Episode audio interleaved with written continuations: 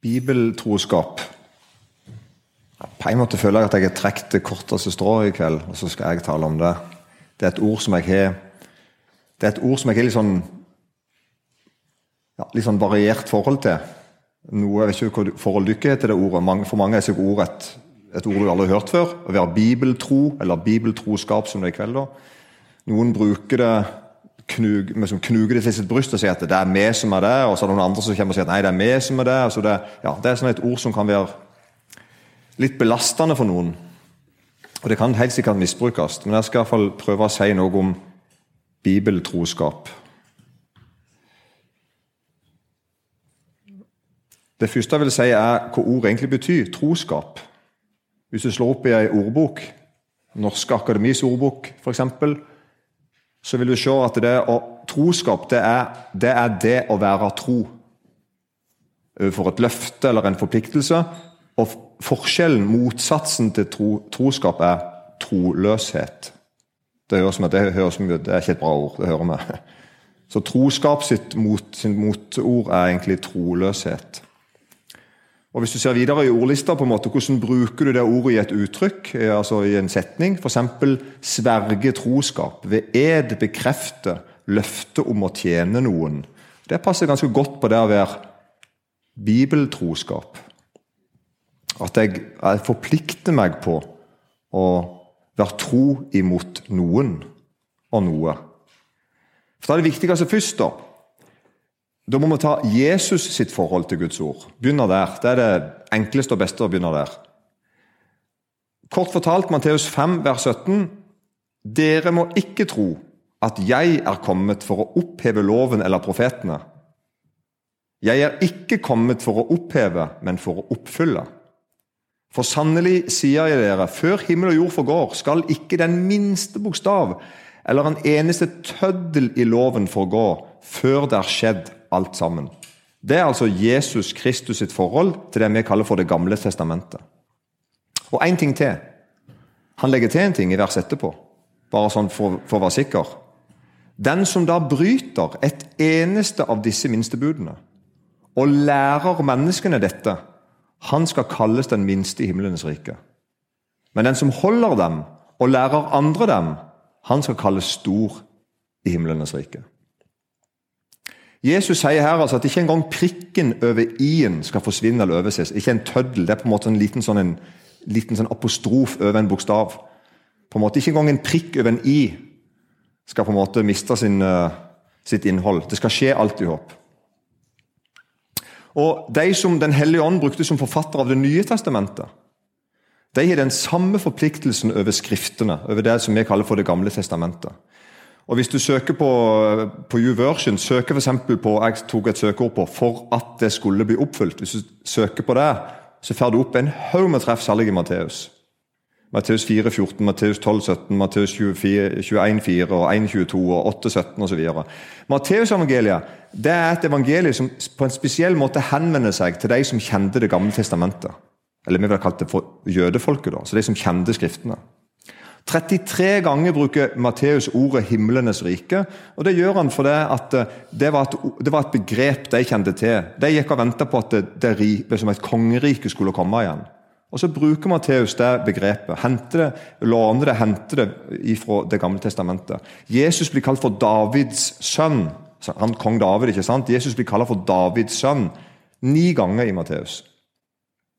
Og Det får vi som for at Matteus vil vise en, en tydelig sånn sammenheng. Matteusevangeliet henviser til Det gamle testamentet 53 ganger. 13 ganger poengterer Matteusevangeliet at Jesus oppfylte en profeti. Så Det er på en måte, det er på en måte forfatteren i Det nye testamentet sin holdning til Bibelen. Det er sant. I Johannes Apostelen Johannes han sier at Jesus er Ordet. Johannes 1,1 begynner sånn. I begynnelsen var Ordet, og Ordet var hos Gud, og Ordet var Gud, osv. Så, videre. så her er det en, til med en sånn, sånn en link at Jesus er Ordet, og Ordet er Jesus. Og i samme, samme mannen skriver i den siste boka i Bibelen, Johannes' åpenbaring, da beskriver han en, en rytter på en hvit hest og sier sånn, Johannes 19, 19,11 Og jeg så himmelen åpnet og se en hvit hest. Og han som sitter på den, heter trofast og sannferdig. Og han dømmer og strider med rettferdighet. Hans øyne er, er som ildslue. På hans hode er det mange kroner. Han har en innskrift med et navn som ingen kjenner uten han selv. Han har iført en kledning som er dyppet i blod, og hans navn er Guds ord. Men vi ser det òg i fortellinger i Det nye testamentet. I episoder. Dette er en, en fortelling som, eh, som, sikkert en god del har hørt før. Det er to ganske like fortellinger. Dette skjedde ganske tidlig når, når, i Jesus sin tjeneste. I Lukas 5 og vers 1 skal vi lese en fortelling der. da. Så skjedde det at folket trengte seg sammen om ham for å høre Guds ord. Og Han sto ved Genesaretsjøen da så han to båter som lå ved stranden. Fiskerne var gått ut av dem. De holdt på å skylle garna. Han gikk da om bord i en av båtene som tilhørte Simon, og ba han legge litt ut fra land. Og, så, og han satte seg og lærte folket fra båten. Altså Jesus bruker på en måte båten som uh, en veldig sånn fin akustikk oppe i terrenget. da. Veldig veldig mange kunne høre, høre da. Og så videre da, vers 4. Da han slutta å tale, sa han til Simon.: Legg ut på dypet og kast ut garnet til fangst. Simon svarte seg til ham, 'Mester, vi har strevd hele natten og ikke fått noe.' Jeg har ikke peiling på fisking, men jeg antar at Simon mener at det rådet du gir oss nå, det er et dårlig råd, Jesus. Vi kan det der med å fiske. Men det er sånn forstår jeg setningen her. Selv om jeg kan ikke på en måte verifisere den, for jeg har ikke peiling på fisking. Men, sier Simon, på ditt ord vil jeg kaste ut garna. Her med det at Peter velger å stole på et ord fra Jesus. Så sier han jeg skal kaste det fordi at du sa det. Fordi at det var du som sa det. Da han slutta å tale Unnskyld. Eh, de gjorde så, og de fanget så mye fisk at garnet holdt på å revne. Da, de, de vinka da til lagsbrødrene i de andre båtene at de skulle komme og ta med i dem. Og De kom, og de fulgte begge båtene slik at de holdt på å synke. Men da Simon Peter så dette, falt han ned Jesu, for Jesu knær og sa, 'Herre, gå fra meg, for jeg er en syndig mann. Akkurat som at Peter nå forstår at oi, jeg har å gjøre med en mann som, som kan si noen ting, og så skjer det. Og nå har jeg med han å gjøre. Så han liksom begynner han med som går i seg sjøl i et nu. Hvem er som, du, du vet du hvem jeg er? For, for redsel kom over han og alle de som var sammen med han, over fiske, fiskefangsten de hadde fått. Likedan var det med CBD-sønnene, Jakob og Johannes, som var i lag med Simon. Men Jesus sa til dem, frykt ikke. Fra nå av skal du fange mennesker. De rodde da båten til lands, og de forlot alt og fulgte ham. Gjett om de husker denne her. Og jeg da skrevet her at på, måte, på den måte ble disiplene introdusert for Jesus sine ord. Dette var altså i begynnelsen av tjenesten til disiplene. Så da begynner de å følge en som Når han sier en ting, så tar det helt av. seg. Da blir det sånn som han har sagt. Og så merker dere merke en ting. At i det siste kapittelet i Johannes evangeliet, etter at Jesus er dødd, stått opp igjen for de døde og vist det for disiplene Altså etterpå alt, på en måte. Da kommer det en fortelling som er ganske lik. Og Nå kommer Jesus med mener jeg, et enda mer sånn merkelig fisketips. Vi skal bare lese for sammenhengen sin del i Johannes 21, 3. Simon Peter sa til de andre, 'Jeg går av sted for å fiske.' De sier til ham, 'Vi går også med deg.'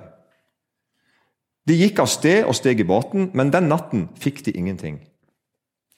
Da det le mot morgen, sto Jesus på stranden, men disiplene visste ikke at det var Jesus. Jesus sier da til dem, 'Barn, dere har vel ikke noe å spise til brødet?' De svarte ham, 'Nei.' Han sa til dem, 'Kast garnet på høyre side av båten.' Det hører til meg jeg ikke høres så utrolig godt tips ut. Liksom, ta de fra venstre til høyre, liksom. Så får du ikke fisk. De kasta, de det da ut, og nå makta de ikke å trekke det opp så mye fisk var det. Den disippelen som Jesus elsker, det er da Johannes, han som skriver dette her. Han kaller seg sjøl det. Han sier da til Peter, 'Det er Herren'. Er du ikke med? Johannes kjente igjen dette her vet vi jo hva det er. For tre og et halvt år siden så gjorde Jesus det samme. Og når Simon Peter hørte det, at det var Herren, hva gjorde han? Selvfølgelig, Han bandt kappa om seg, for han var naken, og kasta seg i sjøen. Smukk av sted, jeg skal treffe Jesus. Sånn er Jesus sine ord. Sånn er Guds ordet. Guds ordet er skaperord, kommandoord, trøsteord, evige ord. Det står fast, liksom, sier Bibelen. Ordene hans står fast. Vi skjønner hva De er liksom urokkelige. Det blir sånn som han har sagt. Og til og med Guds ord står fast overalt. Det skal vi merke oss. I Salme 119 vers 89 så står det Til evig tid, Herre, står ditt ord fast. i himmelen. Så det er som et ord som står helt urokkelig fast overalt. Og så er det da sånn at Til alle tider så har mennesket innvendt det er bare en bok. Eller enda mer, det er en gammel bok. Det er noen gamle ord. Hundrevis, tusenvis år gamle. Det er liksom noe, sånn, noe negativt, nesten noe, sånn, noe teoretisk over Guds ord. Har ikke hørt sånne innvendinger? Jeg hører det ganske ofte. Og Jeg skal komme med et par som kommentarer til det. Den første er at noen feilsiterer, det vil si, egentlig feilsiterer de ikke, men de tar en setning ut av sammenhengen, og så siterer de 2. Korinterbrev 3,6. Og Der står det sånn i siste del For bokstaven slår i hjel, men ånden gjør levende. Og Da er det noen som, som tenker at bokstaven, dvs. Si skrevne ord og sånn, det, det er liksom død. Det slår i hjel. Så vi legger vekk det skrevne ordet, og så konsentrerer vi oss om ånden. Og da sånn, tenker noen at Ånden er på en måte ikke opptatt av ord, den som bare sånn, gjør som han vil. og er Det ikke med? Det er det som er tanken. Og da er det noen som sier sånn at det, det står nesten i Bibelen at ikke vi skal tro på Bibelen. Litt sånn rart at de tror på det, da. Men du ikke skjønner hva jeg mener. Hvis du leser sammenhengen, sammenhengen her, så ser du at det, det, det som forfatteren Paulus vil ha fram, er, er, noe viktig om Guds ord. At det har to Guds ord har to hovedsider, skulle jeg si. Det døde, og det gjør levende. Og bare sånn for å være helt sikker Den hellige ånd har et sverd, og det sverdet heter Guds ord. Så hvis noen tror at Gud, Guds hellige ånd på en måte vei, uh, svime rundt forbi og ikke bry seg om, om uh, ordet, liksom. Det er en helt forferdelig tanke om Den hellige ånd. Den hellige ånd vet nøyaktig hva han skal gjøre, og hva han gjør, fordi at han er forplikta på Guds ord. Han elsker Guds ord, og han utfyller Guds ord, og han bruker det som sitt sverd. Efeserbrevet 6,17.: Åndens sverd, som er Guds ord. Men det er noe viktig her. Og Dette er veldig viktig. Jeg skal ikke bruke så mye tid på det, men det er dog viktig. Det er noen som, Vi leser om det i Bibelen, noen hadde, og vi møter det i dag, at noen har et feil forhold til Skriftene. Selv om de kanskje ikke helt forstår det. Og Det går an. Og Jesus han sier, sier det i Johannes 5,39 noe veldig rart. Dere gransker Skriftene, sier han, fordi dere mener at dere har evig liv i dem. Og Da skjønner vi at Jesus mener at det, var noe galt med det. Er det med? Og da er spørsmålet ja, men er det ikke evig liv av å granske Skriftene. Jo, det er jo det. Det skal vi høre om snart. Men hva er det Jesus sier her? Det ser ut som at det er noen, på tross av at de egentlig har en kjærlighet til Skriftene, ikke fikk hjelp av dem. Er du ikke med på den? De kunne veldig mye. De las veldig mye. De tok det dønn seriøst. Og Allikevel sier Jesus at du, du har på en måte ikke forstått det du ikke leser. For det er om. Og Hvis vi leser dette her i Johannes 5 i sammenhengen, så ser vi at Jesus ikke på noen måte at han ikke er å finne i Skriftene. for det mener han at han er. Og Hvordan skal vi lese det? Overskriften i Bibelen min er like godt. Skriftene vitner om Jesus. Og så er det fra Johannes 5, 31. Jesus da sier Dersom jeg vitner om meg selv, da er mitt vitnesbyrd ikke sant. Men det som mener Jesus, at jeg driver ikke med noe snakk og noe prat på egen hånd. Det jeg sier, har jeg fått fra en helt konkret plass. Det er en annen som vitner om meg, og jeg vet at vitnesbyrdet han vitner om meg, er sant. Dere har sendt bud på Johannes, altså døperen Johannes, og han har vitna for sannheten. Men ikke så at jeg tar imot vitnesbyrd for et menneske, men dette sier jeg for at dere skal bli frelst. Og Så sier Jesus en ting om Johannes. Han var det brennende og skinnende lyset. Men dere ville bare en kort stund glede dere i hans lys. Han refser egentlig til tilhøreren og sier at du ikke, hørte ikke på han helt ut. Så sier Jesus videre.: Men jeg har det vitnesbyrdet som er større enn det Johannes ga. For de gjerningene som Faderen ga meg å fullføre, selve gjerningene som jeg gjør, vitner om meg at Faderen har sendt meg. Og Faderen har sendt meg. Han har vitnet om meg. Verken har dere noen gang hørt hans røst eller sett hans skikkelse, og hans ord har dere ikke værende i dere, for den han har sendt, han tror dere ikke. Så nå sier han om seg sjøl at nå står jeg her og er personifiseringen av Guds ord. Og ikke kjenner Guds ord, men ikke tror ikke på meg. Ikke er i konflikt med Han som har sendt meg. Er ikke med på den? På tross av at ikke vet mye og kan mye. Det, og dere gransker Skriftene fordi dere mener dere er evig liv i dem. Og disse er det som vitner om meg. Men dere vil ikke komme til meg for å få liv. Dette er en fare for alle generasjoner til alle tider. Det finnes mennesker som leser Bibelen til dønn seriøst og ønsker egentlig hele seg å ta det seriøst. Og så er det et eller annet som gjør at ikke du kjenner Jesus allikevel. Og Så kommer Jesus med en dom her i noen vers etterpå, i Johannes 5, og så i 46, så sier han For hvis dere trodde Moses Så tenker jeg Hæ? Hvis? Hva sier du? Vi tror jo Moses. Nei, Jesus sier at hvis dere trodde Moses, så hadde dere trodd meg. For det er meg han har skrevet om. Men hvis dere ikke tror hans skrifter, hvordan kan dere da tro mine ord? Så Jesus, altså, det er Poenget mitt å si at Jesus identifiserer seg og aldeles bare sånn sier at jeg og Bibelen er ett. tror du ikke på Bibelen, så tror du ikke på meg. Tror du ikke på meg, så tror du ikke på Bibelen. Og Er det ikke sånn, så er det feil. Det er mitt poeng, det jeg prøver å si. Og til og med når Jesus Kristus som Sønnen går alene i Johannes 17 og snakker med far sin, be til far i himmelen, til Faderen. Jeg skal bare lese litt, Hvordan er det hvordan er det Sønnen snakker med far sin om det han, om det han har gjort her på jord for menneskene? Jo, han sier sånn i Johannes 17, vers 6. Så sier, sier altså Sønnen til far. Jesus som sønn sier til far, Gud far, jeg har åpenbart ditt navn for de menneskene du ga meg av verden. De var dine, og du ga, til, ga, dem til meg, og de har holdt fast på ditt ord. Nå vet de alt det du har gitt meg, er fra deg. For de ordene som du ga meg, har jeg gitt dem. Og de har tatt imot dem og kjent i sannhet at jeg er utgått fra deg. Og de har trodd at du har utsendt meg. Dette sier altså Jesus Kristus til far sin. Nå har jeg gjort det du sa. Og Så sier han videre, han ber for de kristne Jesus og sier 'hellige dem i sannheten'. Ditt ord er sannhet. Liksom du har utsendt meg til verden, har også jeg utsendt dem til verden. Og jeg helliger meg for dem, for at også de skal være helliget i sannhet. Jeg ber ikke bare for disse, men også for dem som ved deres ord kommer til tro på meg. Åh, nå begynner det å bli dristig. Nå sier til meg Jesus at det ordet som du har lagt ned i deg, i deg som han ga ordet til, de skal skape liv hos nye og nye og nye, helt til vi står her i dag. Guds ord er et frelseord. Guds ord, Her står det en plass i 524, Johannes 524. Der sier Jesus sånn Den som hører mitt ord og tror på Han som har sendt meg, kommer han? Han har evig liv.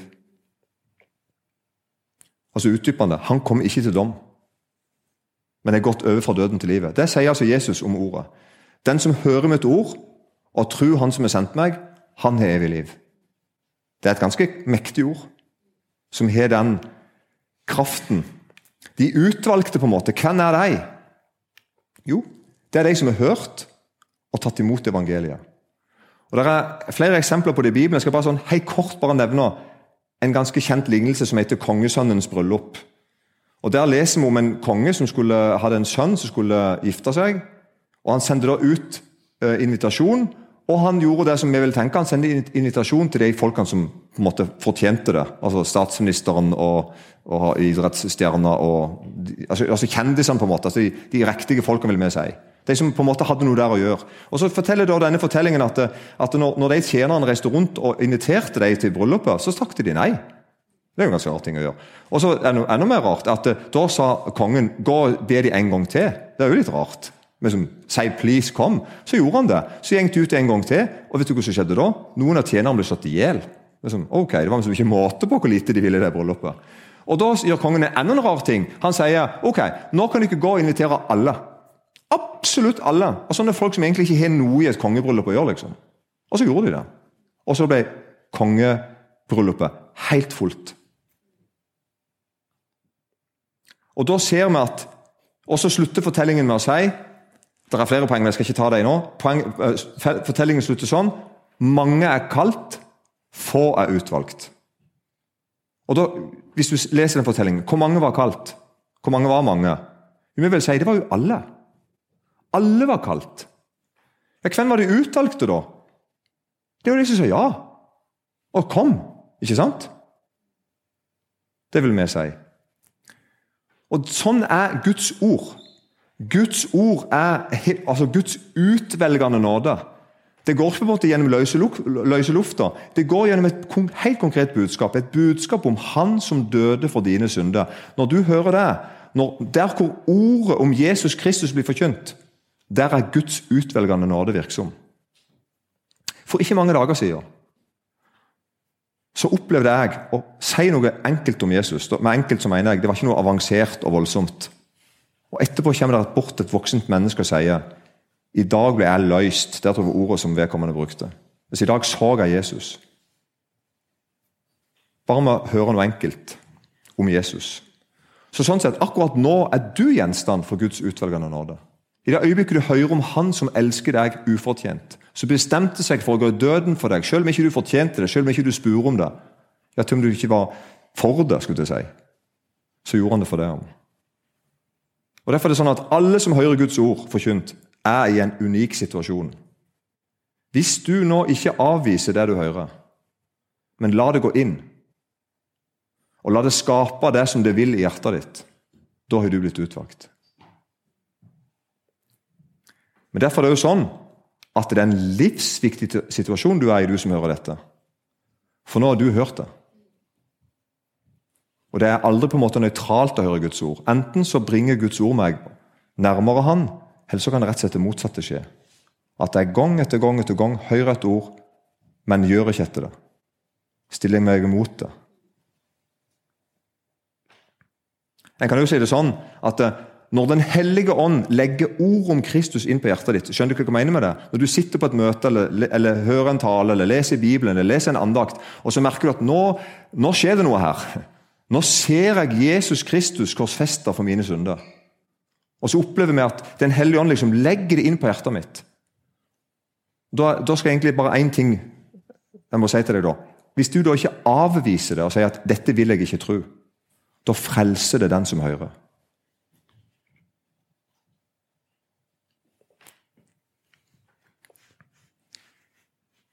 Og I lignelsen hører vi at veldig mange sa nei til å, komme i bryllup. Veldig mange sa nei, men de måtte si nei. Derfor sier Bibelen videre at trua, den frelsende trua kommer av forkynnelsen. Jeg skal bare nevne én plass der vi ser en sånn en stilig uh, ord, syns jeg. Her er ikke poenget, egentlig er bare poenget å si Dere som har fått Jesus Kristus malt for øynene som korfestet. Det står i Galaterbrevet 3,1. Og Så sier Paulus videre der Bare dette vil jeg vite av dere. Var det ved lovgjerninger dere fikk ånden, eller var det ved å høre troen forkynt? Så det går an å høre troen forkynt. At jeg fikk ei tro fordi at jeg hørte et Guds ord, og så fikk jeg tro.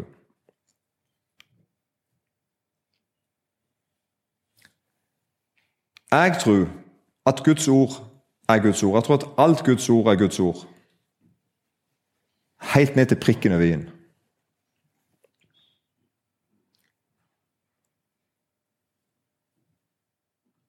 Jeg tror at Guds ord er evig, altså at det har sin opprinnelse hos Gud. Det er ikke menneskeord som dukter opp i en spesiell kultur, og vi må ta det med som for det det er, osv. Jeg tror at det er et evig ord. At Gud vet han vet hva han holder på med. Jeg tror at Guds ord på mange måter er tidløst. Med det som mener jeg altså at det ikke er utdatert, gammeldags avleggs. Men samtidig så ser jeg at Guds ord har det med seg at det, det, altså det rammer samtida. Guds ord treffer inn i tida.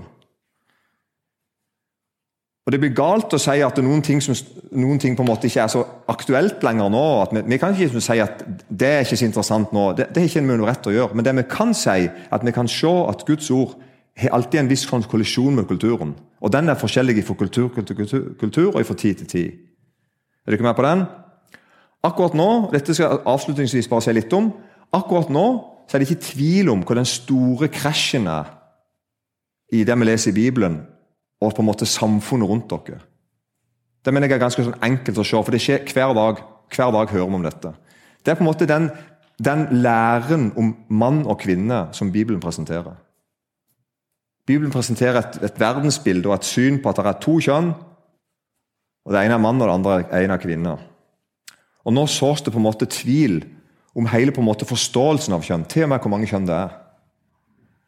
Og vi vet at selv om ikke mange av de som mener noe, mange av de som er uenige med Gud, tenker kanskje ikke, Det er ikke det som motiverer de at de er uenige med Gud. Det kan være at de, de har lært det på skolen. liksom. Men vi vet at sånn dypere sett der bak så er det en, en hån mot Guds ord.